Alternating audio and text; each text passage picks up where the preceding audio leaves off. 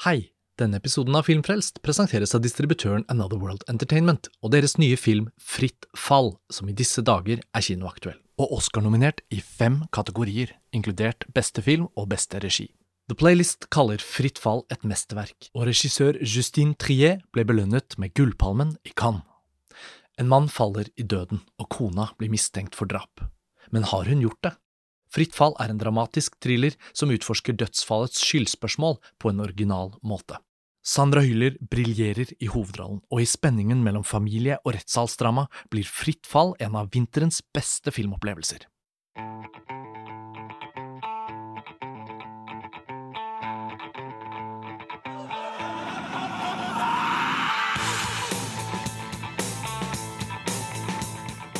Hei og velkommen til en ny episode av Filmfrelst, podkasten til filmtidsskriftet Montasj. Jeg heter Lars Ole Kristiansen og er fortsatt i Berlin sammen med Pernille Middleton Hei. og Simon Holm. Hallo!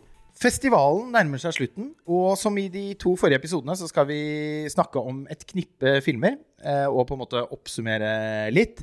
Jeg tenker at vi kan starte med det jeg vil påstå er en av de beste filmene fra årets hovedkonkurranse, eh, nemlig Teufels bad, eller The Devil's Bath, av Veronica Frans og Severin Fiala.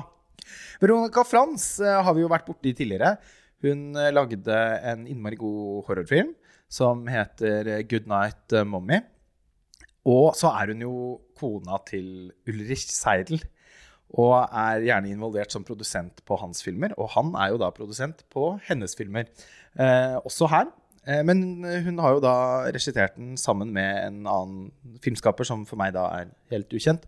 Hun samarbeidet vel kanskje også med noen andre på den amerikanske filmen som hun laget? Jeg husker ikke i farta om det var et samarbeid, men hun står i hvert fall bak den The Lodge Jeg er med Riley Keough. ganske sikker på at det er de to samme. Altså. Ja, at de At er er en duo, på en måte. Nettopp. Ja, det kan godt hende. Ja. Så Den hadde noen kvaliteter, den òg, syns jeg. Så Ja, sånn, absolutt. jeg husker at jeg var litt uh, skuffet over den, men Ja. jeg hadde like fullt ganske høye forventninger til Teufels bad, eh, bare pga. settingen. Og uh, dette prosjektet bare føltes mer seidelsk. og uh, så er det jo en type sånn nesten-skrekkfilm.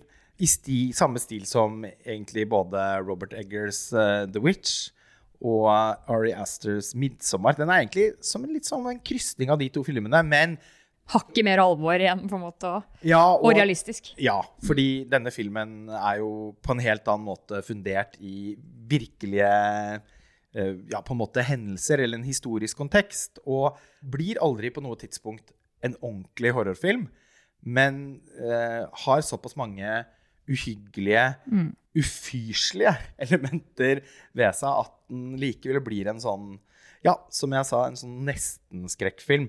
Er, jeg bare tenkte på, den er jo markert som horror, eh, sånn sjangermessig på IMDb og i festivalens oversikt og sånt. Og det er jo litt sånn, som du sier da, det er jo ikke det at den bikker over i å bli, føles som en horrorfilm, men horroren ligger jo i det hvor grusomt det var på den tiden, og hvor fælt det kan ha vært i verden. Det, Altså, det var fælt før. Utrolig, utrolig hemsk film. Det er lenge siden jeg har sittet og vært så lykkelig over å leve i vår tid. Og i og med at det er så mye fælt som skjer nå, så kan det være greit å bli påminnet Altså rundt omkring i verden så kan det være greit å bli påminnet om at vi nok likevel er blant de 1% mest privilegerte menneskene i hele verdenshistorien. For aldri har det vel vært verre enn i Østerrike på midten av 1700-tallet for de som bodde ute i skauen. Ja, det er helt eh, Det så helt jævlig ut. Altså, det eneste kanskje positive eller fine med det, er at man bodde litt sånn i naturen og hadde liksom skogen tett på. Nærhet til natur. Ja, litt sånn der naturskjønne omgivelser, og liksom ikke preget av sånn skjermbruk. Og, så man var jo sikkert litt sånn i ett med elementene, Men og var det det er ikke jo litt sånn sikkert fint. uhyggelig og stygt der òg? Jo, for det var nettopp det. at Akkurat, akkurat her hvor vi er i denne filmen, så er det jo ikke engang så veldig naturskjønt. Det er Nei. egentlig ganske heslig. Ja, det, det vil jeg påstå. Ja. Åh, de skal, det, det de jobber med, er at de fisker noen sånn litt sånn vemmelige ferskvannsfisker.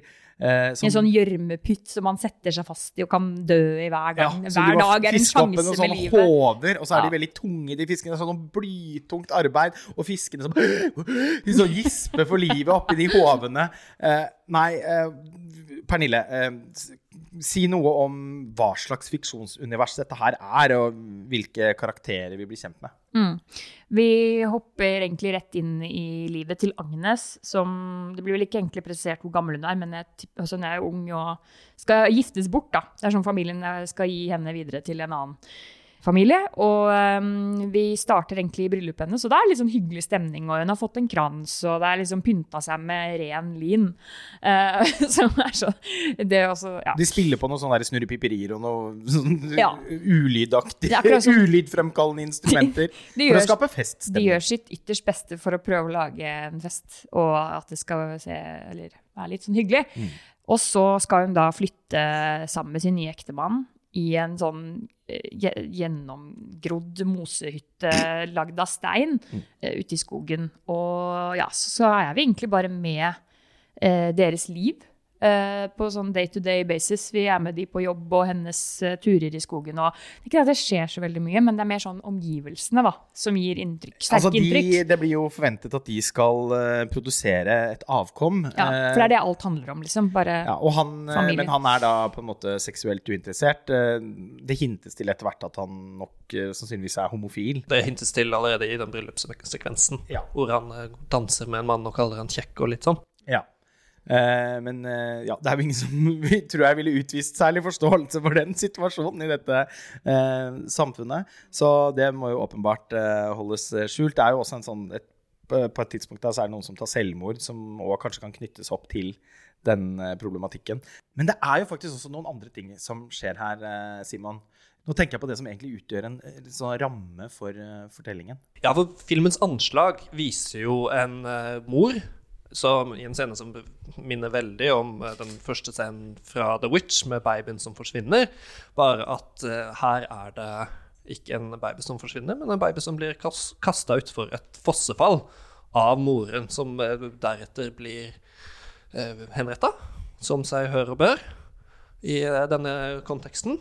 Og det opprettes et slags sånn bånd mellom den her damen som tar livet sitt, og vår hovedkarakter, som går og etter hvert mer og mer besøker eh, den, det stedet hvor denne levningen er utstilt, nærmest. Det døde ansiktet i, eller hodet i eh, et slags bur, og kroppen som eh, folk tilsynelatende stjeler fingre og tær fra for å bringe lykke til hverandre, har hun en eller annen slags tilknytning til. da.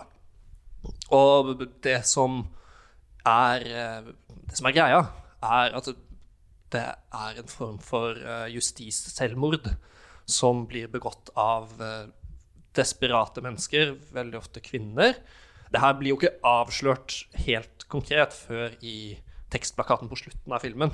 Men det handler om folk som dreper ofte barn, eller begår mord, for å bli henretta, men ha tid til tilgivelse før de blir henretta i det her kristensamfunnet hvor man havner i helvete hvis man tar sitt eget liv, men hvis man blir henretta for mord, så får man, får man denne tilgivelsen først. Ja, fordi skrekken for helvetesilden er eh, så voldsom at selv om livet fremstår eh, absolutt uutholdelig, så er likevel ikke det noen utvei, fordi da er du dømt til evige pinsler. Så nettopp derfor må de rett og slett begå en forbrytelse og få en dødsstraff. Eh, men eh, tross alt da få lov til å eh, skrifte og få tilgivelse først. Det fremstår jo helt fullstendig absurd. helt, helt utrolig. Og alle er, alle er så kollektivt eh, overbevist om denne sannheten nå. Så det er ikke engang de som til og med prøver å driste seg til sånn snikselvmord, hvor du kan da stages som en, eh, som en falsk død, sånn som en karakter gjør, ved å ta liksom litt og litt rottegift, f.eks. Det funker på en måte ikke, fordi personen i seg selv vet at kommer til, nå kommer jeg til å komme i helvete. Jeg er så overbevist om det at personen heller da går og vil drepe noen bare for å kunne skrifte om det drapet, og så bli liksom, kom, få komme til himmelriket likevel. Altså, det er så brutalt og jævlig og eh, helt sånn en, en umulig realitet å sette seg inn i og, og forstå seg på. Nei, og samtidig så skjønner jeg jo innmari godt hvorfor folk ønsket å avslutte livet når de levde sånn som de gjorde. Ja. Fordi jeg har vel knapt sett uh, noe verre. så jeg, det, filmen er jo da helt fantastisk iscenesatt. Altså mise en scène, som det heter seg på filmvitenskapsspråket, er jo i denne filmen Altså alt vi kan se i bildet, er altså så gjennomarbeidet ned til minste detalj. Location-valg, kostyme, produksjonsdesign, eh, sminke. Castingen av alle birollene og bystanderne. Var helt utrolig. Så ser det ut som de bare er nappa ut av det faktiske årstallet. Ja. Altså, he, det er Helt som utrolig. Noen liksom har gravd de ut av uh, skogen. altså Et så grundig arbeid, rett og slett. Eh, Så åpenbart kjempegodt research lagt Ja. inn til hver minste detalj. Ja. Og flott fotografert, eh, med en litt sånn kvalmende, gulnet koloritt, som også er litt sånn typisk for uh, Seidel. Og jeg syns jo også da de sånn heslige tingene som eh, Altså som verkende sår, byller som må klemmes ut eh, Fisk som råtner. Fisk som råtner, Ja. maggoter som ligger og kravler i åpne kjøttsår. Ja. Alt sånt var altså så fælt Mm. å se på. Og de lange, lange skildringene av arbeidshverdagen nede ved denne sølepytten, da. Mm. Med de gyselige fiskene. Og Jeg trodde hverdagen var røff i The Turin Horse, og så ser man Ja. dette, og så Ja. er det langt verre. ja, det er som å jobbe på Kiwi i sammenligning. Men så er det jo verdt å skyte inn her at alt vi ser, er jo veldig tydelig fra vår hovedkarakters perspektiv. Og det her er jo øh, i bunn og grunn en slags depresjonsskildring. Det virker jo i hvert fall ikke for meg som at alle de andre karakterene i dette universet hater eksistensen sin til så veldig stor grad. Og ei heller virker det som at hun er ubehjelpelig. Til slutt, det virker mest som at hun er en eh, person som sliter med å trives i verden, sliter med sin mentale helse, og det er null forståelse for det, null hjelp å få, ingen variasjon tilgjengelig. Det eneste man kan leve for, er å formere seg, og det går ikke fordi Han er uinteressert, Ja. og det gjør jo at svigermoren hennes får et eh, mer og mer negativt forhold til henne, og har jo da også fått, fått svigermor fra helvete som eh, liksom retter på, irettesetter hver eneste ting hun gjør. Ja. Alt blir feil. Flytter på kasserollene der de ikke skal stå og sånt. Ja, Altså på sånn stykk, østerriksk-tysk. Ja. Og det slamres med noen kjeler. Og, det, og det var så surt òg! Ja, ja. Og så sur film! Ja. Men innmari god. Ja. Eh, og jeg tenker at eh, denne burde kunne ta med seg en eller annen pris. Kanskje skuespillerprisen til henne. Ja, det syns jeg. Den siste Jeg syns den første halvannen timen er eh, veldig treig og repetitiv, med vilje, selvfølgelig, men kanskje litt i overkant for min smak.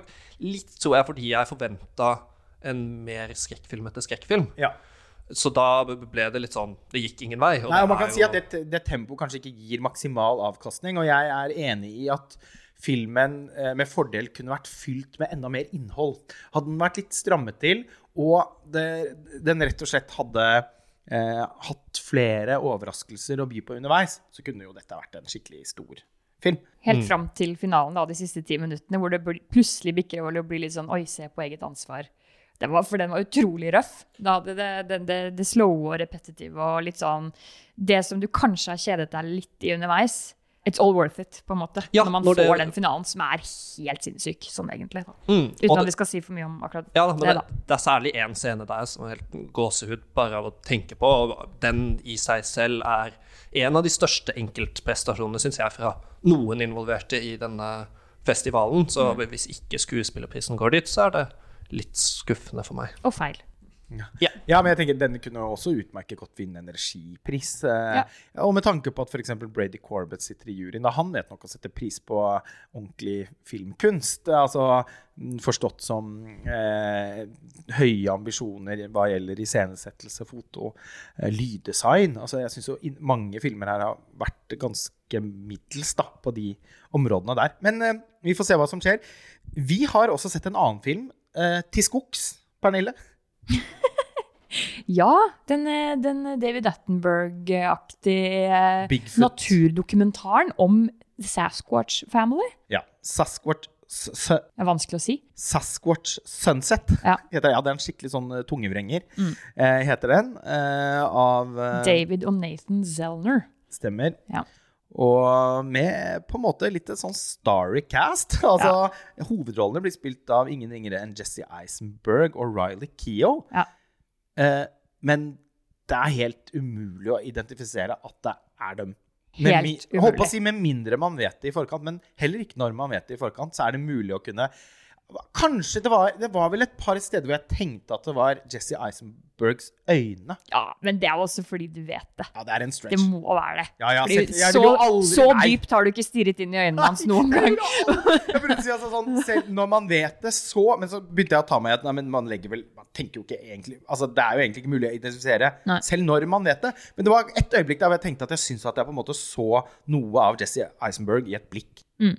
Og når filmen var ferdig på den visningen jeg var på, så var det veldig veldig høy latter i salen på rulleteksten, for da kom jo navnet opp. Så det var åpenbart at mange som ikke hadde fått med seg det. da. Og det tror jeg kunne vært en litt sånn gøy reveal.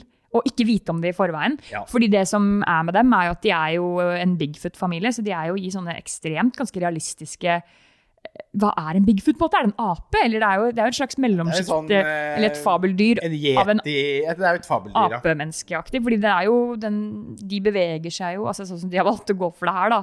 Hvis man skal tenke at de eksisterer på en måte i universet til denne filmen.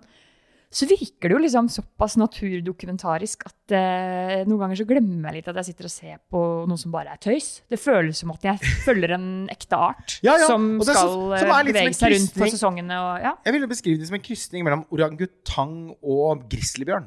Ja. ja, ja. Og menneske.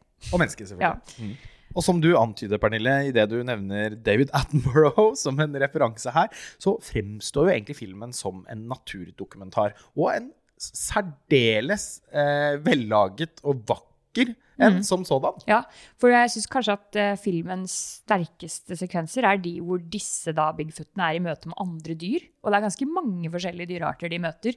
Alt fra en sånn er det mountain lion, panter eller et, er et stort kattedyr som åpenbart er veldig farlig. da. Og altså, en så ganske teit, men morsom sånn snapping turtle-scene som biter seg fast i tunga på den ene. Og da blir det sånn superteit plutselig, da. Men, men likevel så er det Jeg syns de, alle de der møtene med, Dyr. med Med andre ville dyr. Mm. hvor da de ville dyrene sannsynligvis tror at de møter på et, en eller annen dyrart. Ganske uforglemmelig sånn slags parfymeringsrunde med et stinkdyr der òg. Ja, fy faen, det er sant. Og så Veldig mange morsomme sekvenser. Uh, egentlig. Handlingen i filmen er egentlig uh, ganske enkel. Det er, ikke, det er på en måte ikke en annen story enn at denne familien skal bevege seg gjennom liksom, uh, sesongene. Og, og hver dag er eh, fight for survival og å finne mat. Det er det det handler om hver eneste dag. Så vi er egentlig på det sporet gjennom hele filmen som en observasjon. Og det er nesten litt sånn meditativt, eh, samtidig som det er morsomt. Ja, flott fotografert og med et innmari fint eh, score. Mm. Syntbasert score, som jeg ble veldig revet med av. Mm. Og, men filmen er jo da også på en måte definert som en komedie. Ja. Og altså, hadde jeg kunnet gjette hvem som sto, sto bak, så jeg, var det første jeg ville tenkt Ben Stiller. Ja. Og det er jo også på en måte en sånn antihumor her.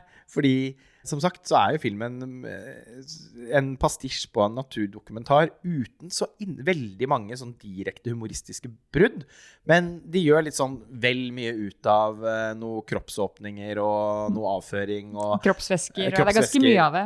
Ja, så, så, og det er jo en, også en veldig sånn lav Og paringskomplekser. ja, og det er jo en sånn lav form for humor.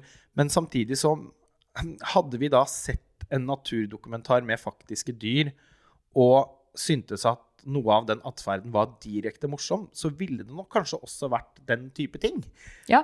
Så eh, den, eh, Du nevnte den scenen med skilpadda, da, som er sånn Det er jo en slapstick-aktig Ja, ja, scene. Det var veldig teit. Eh, veldig teit, men også litt morsom. Mm. Eh, og det, det er et par andre eksempler på det, men stort sett så er den også sånn det, Humoren ligger egentlig i at det er kjente skuespillere Ja, som er er ugjenkjennelige. det. Det er helt umulig å legge fra seg den tanken. Og det, er jo liksom, det legger jo bare et lag over absolutt hele greiene. Uansett om det, scenen går for å være rørende eller morsom eller naturskjønn og vakker, så er det sånn Det er jo noe inni meg som sitter og tenker at det er Riley Keough og Jesse Eisenberg som sier «Ho, ho, ho, ho», gjennom absolutt hele det filmen. jo sånn, det mest utrolige er på en måte at jeg også glemte det litt underveis. Ved noen anledninger. da. At jeg liksom tok meg i å leve meg liksom inn i filmen på en måte som Nei, men hallo, Lars Ole, du kan ikke gjøre det. Det er jo bare kødd. Altså, sånn, som at jeg på en måte klype meg selv i armen og rive meg ut av innlevelsen. bare å påminne meg selv om at det er eh, Jesse Eidsberg og Ryan Keough som står der i noen latterlige kostymer og ja, som du sier, sier Eh, altså, Men da har filmskaperne virkelig oppnådd noe, da. Ja, det må jeg si. Altså, jeg, i, sum så endte jeg med å like denne filmen ganske godt. Jeg husker at din, Du så den litt før meg, Pernille, og din buss var på en måte at du var usikker på om det var én eh, stjerne eller fem. Ja, det er helt, eh, jeg syns fortsatt det er vanskelig å vurdere denne filmen. Eh, Jeg foreslår at, eh, at eh, sannheten er et sted omtrent på midten.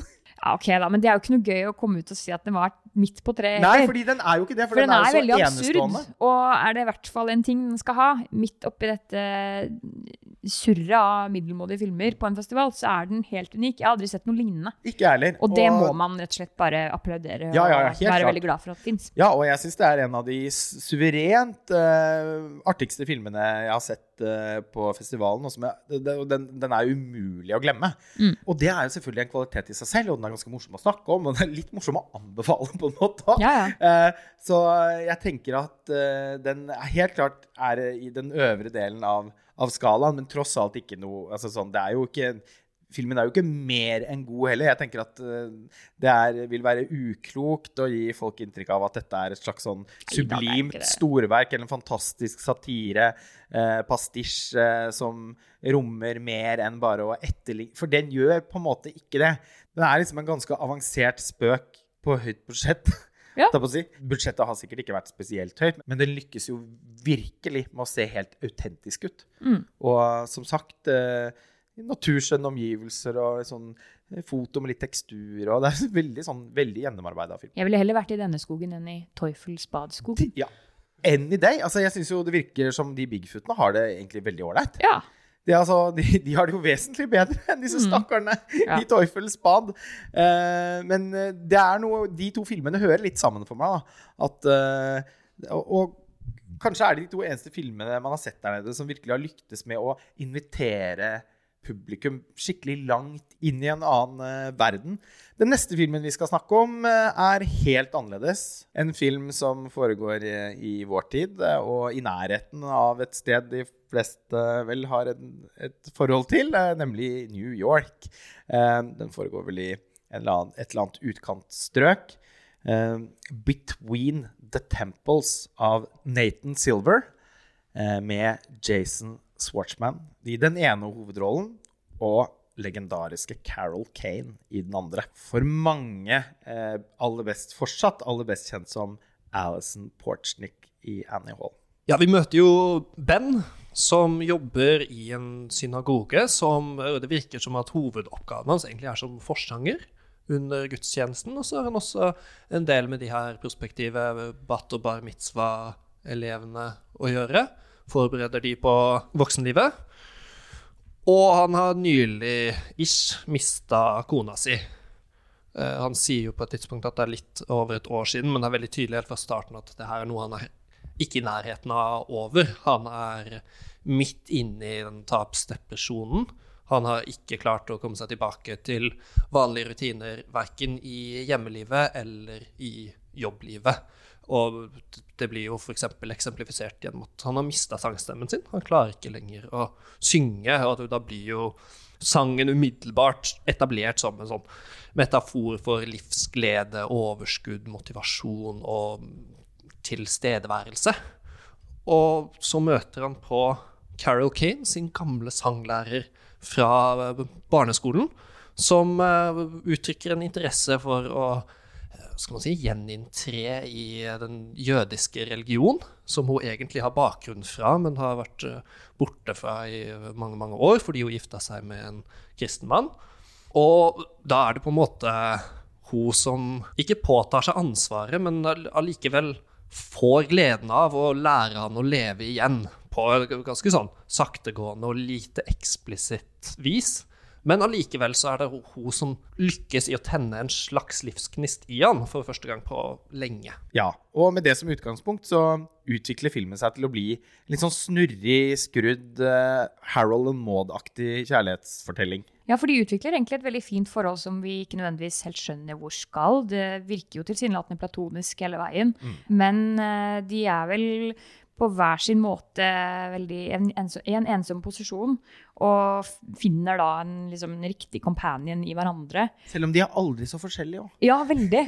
Hun er jo Um, en helt vanvittig type. Veldig impulsiv og eh, sånn intenst til stede i hvert livsøyeblikk. Ja, Mens ja. han virker helt fjern, sånn som Jason Ganske Schwartzman pleier å være. Men hun får, lykkes da på en måte i å få han litt sånn ut av skallet sitt. da. Ja. Fordi han blir jo, han, han løsner jo litt opp etter hvert han og blir litt mer livlig. Mm. Og parallelt med at dette forholdet utfolder seg, så er det også et utrolig morsom eh, sideplottlinje, på en måte, hvor hans da lesbiske mødre forsøker kontinuerlig å matche han med andre unge jødiske jenter og få han liksom back in the dating game. Til et sånt ekstremt nivå at de har opprettet en datingprofil på en app for han. Og plutselig en dag når han kommer hjem, så bare er det en jente i sofaen som eh, de da planlegger at han skal stifte bekjentskap med. Og det, jeg syns kanskje det var det morsomste i hele filmen, denne sidehistorien. For det, det det tilsvarer ikke helt hvordan han eh, ønsker framgang i livet, da. Nei, og det blir jo rett og slett et sånt helt absurd trekantdrama etter hvert der, som kulminerer i en middagssekvens som eh, klemmer fram alt det beste som fins med jødisk humor. Og filmen er da fotografert av ingen ringere enn Sean Price Williams, som jo er hoffleverandør av disse filmene. Og nå begynner det virkelig å gå opp for meg at det er jo han som er autøren i det meste han er involvert i. Nå har han jo debutert eh, som regissør med The Sweet East. Men altså en eh, felles venn av oss, eh, Pernille, som er New Yorker opprinnelig, fortalte oss i går kveld at Sean Price Williams egentlig alltid har litt korregi. Fordi Ja. han stifter så nære relasjoner til skuespillerne og griper veldig direkte inn i, i iscenesettelsen. Har ofte jobbet med ganske uerfarne regissører som trenger hans erfaring, selv om han ikke er så gammel. Så Ja. har han jo, etter hva man kan forstå, en massiv filmhistorisk kunnskap. Mm, Som nå har resultert i en bokutgivelse som heter Thousand Films. Av Sean Price Williams, ja. Den kan jo lytterne bare google opp. Den ligger nå, mens i det vi tar opp denne podkasten, så er det, det første opplaget av boka nettopp lagt ut for forhåndssalg. Jeg tenkte at jeg skulle klikke meg inn og sikre et eksemplar i løpet av dagen. Jeg blir jo utrolig nysgjerrig på hvilke filmer han har valgt. For jeg så i beskrivelsen så er det ikke nødvendigvis det at det er hans 1000 favorittfilmer. Det kan kanskje være litt eh, voldsomt å sitte og samle det, egentlig. Men bare fil 1000 filmer som har inspirert han. Og han virker jo som en ekstremt eksentrisk eh, fyr, uten at vi liksom selvfølgelig kjenner han på noen måte. Men bare det vi har sett av han eh, in real life, Ja, ja, og, han og hva folk sier sier om og- han. Ja. Jeg så for One eksempel, Piece og solbriller innendørs. For så har jo eh, Kristen Stewart har jo da altså en uttalelse i, i samsvar med denne releasen av boka sagt sånn derre There's nothing like receiving a Vimeo link from Sean Price Williams. Enter at your own risk. Og det blir man jo veldig intrigued av. Så det er jo tydelig at han er jo Er en litt sånn utrolig type. en veldig ja, respektert, da. Hun har jo jobbet eh, tett med eh, Alex Ross Perry og Safti-brødrene. Han eh, var både produsent og fotograf for eh, Funny Pages, og han har jobbet med Abel Ferrara. Altså. Men nå, altså, sånn, nå begynner jeg å tenke at både denne filmen, altså Between the Temples, og The Sweet East, og Funny Pages og de Alex Ross Perry-filmene er liksom fra samme univers. Det er sånn mul multiverse-følelse. Og linken her er jo åpenbart Sean Price Williams. Og måten han skyter på film på. Og den her er jo også da skutt på 16 mm, som eh, faktisk så enormt bra ut. Blåst opp eh, på den grainy måten det ble på en så stor kinoopplevelse, altså, da. Ja, han har jo en intimitet i kameraarbeidet som er på et helt annet nivå enn alt annet på denne festivalen, i, i hvert fall. Og nesten alt annet i det hele tatt. En måte å tilnærme seg skuespillerne, men også stedene og stemningene som kommer fram her. Det her skiftet mellom ultranærbilder av eh, ansiktene til folk, men også de her innklippsbildene til eh, nesten hver scene som er morsomme og eller gripende og eller en veldig god introduksjon til det vi nå skal ta fatt på. Litt sånn Osu-aktig til tider også med akkurat det.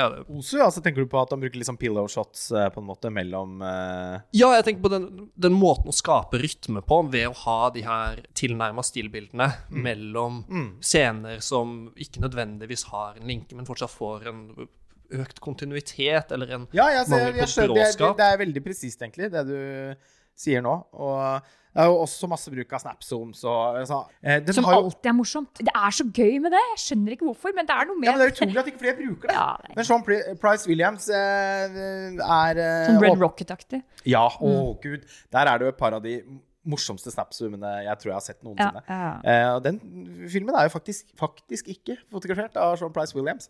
Burde ha vært, nesten. Ja, kunne kunne ha vært det. Kunne men altså, eh, jo, men likevel ikke helt, da, fordi det er noe med at Williams og dyrker en litt mer sånn, sånn brungul, bronseaktig koloritt.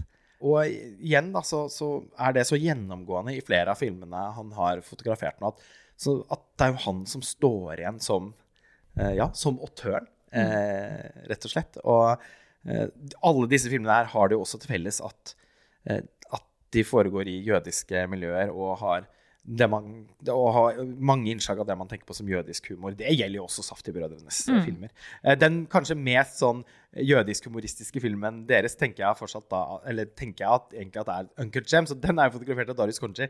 Men det var sikkert Jeg vet ikke om det bare var tilfeldigheter egentlig som gjorde at ikke Sean Price Williams eh, samarbeida med de i den runden. Ja, veldig kult faktisk. Og, og, og bare sånn aktivt tenke over parallellene mellom de filmene som han har skutt. da. Og det får meg jo til å tenke da nå at han virker jo ikke som en fotograf som nødvendigvis mottar så mye regi. At han er litt sånn som Andrew også fortalte, da, han- kjenner jo regissøren, han snakka med han og bare sånn Skuespillerne, det var helt sånn, de, had- de hadde liksom ikke skjønt hvor fotografen var til alle tider. og sånn. Han var liksom all over the place. Så kanskje det litt er hans stil. Det, det, det, det kommer jo veldig tydelig gjennom i filmene òg. At han virker som han har sånn fri eh, lekeplass når han Ja. er på sett. Og det er jo også noen fotografer som kan komme inn og nesten annektere hele filmkunstnerskap. Eh, mens andre regissører eh, har en så tydelig stil selv at de egentlig kan jobbe med hvilken som helst fotograf og få nesten samme resultat. Brian De Palma er jo et uh, kjempeeksempel på det. Du har jo Argento òg, i og for seg. Eh, mens eh, nå er det nesten vanskelig å se for seg hvordan en Spielberg-film ville sett ut uten Janusz Kaminski. Tenk hvor viktig del av det kunstnerskapet han har blitt fra med Schindlers liste. En annen sånn fotograf er jo Anthony Dodd Mantle. Alt han er involvert i, tar han veldig bolig og gjør til sitt. Eh, så ja. Men, men i alle fall Helt kanskje den beste filmen vi har sett her nede, eller totalt sett? Ja, foruten uh, filmen jeg gikk og så i retrospektiv. For min del, da.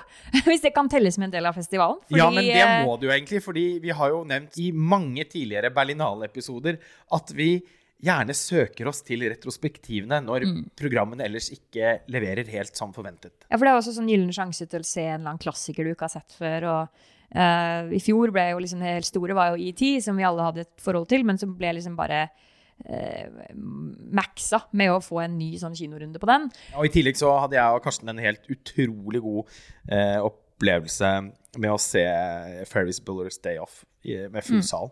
Og masse eh, sånn forventningsfulle, sånn stolte foreldre som hadde med seg eh, ja, barn, ungdommer i sånn 10-11-12-13-årsalderen.